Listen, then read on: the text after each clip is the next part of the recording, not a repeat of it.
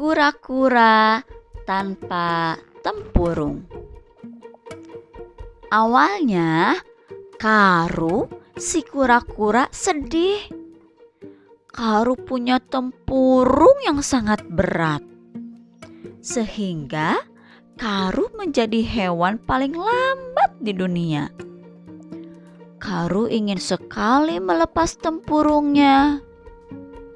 Suatu hari, seekor elang mengintai Karu. Karu ketakutan. Karu langsung menyembunyikan kepalanya ke dalam tempurungnya. Dari atas awan, elang itu langsung menyambar tempurung Karu.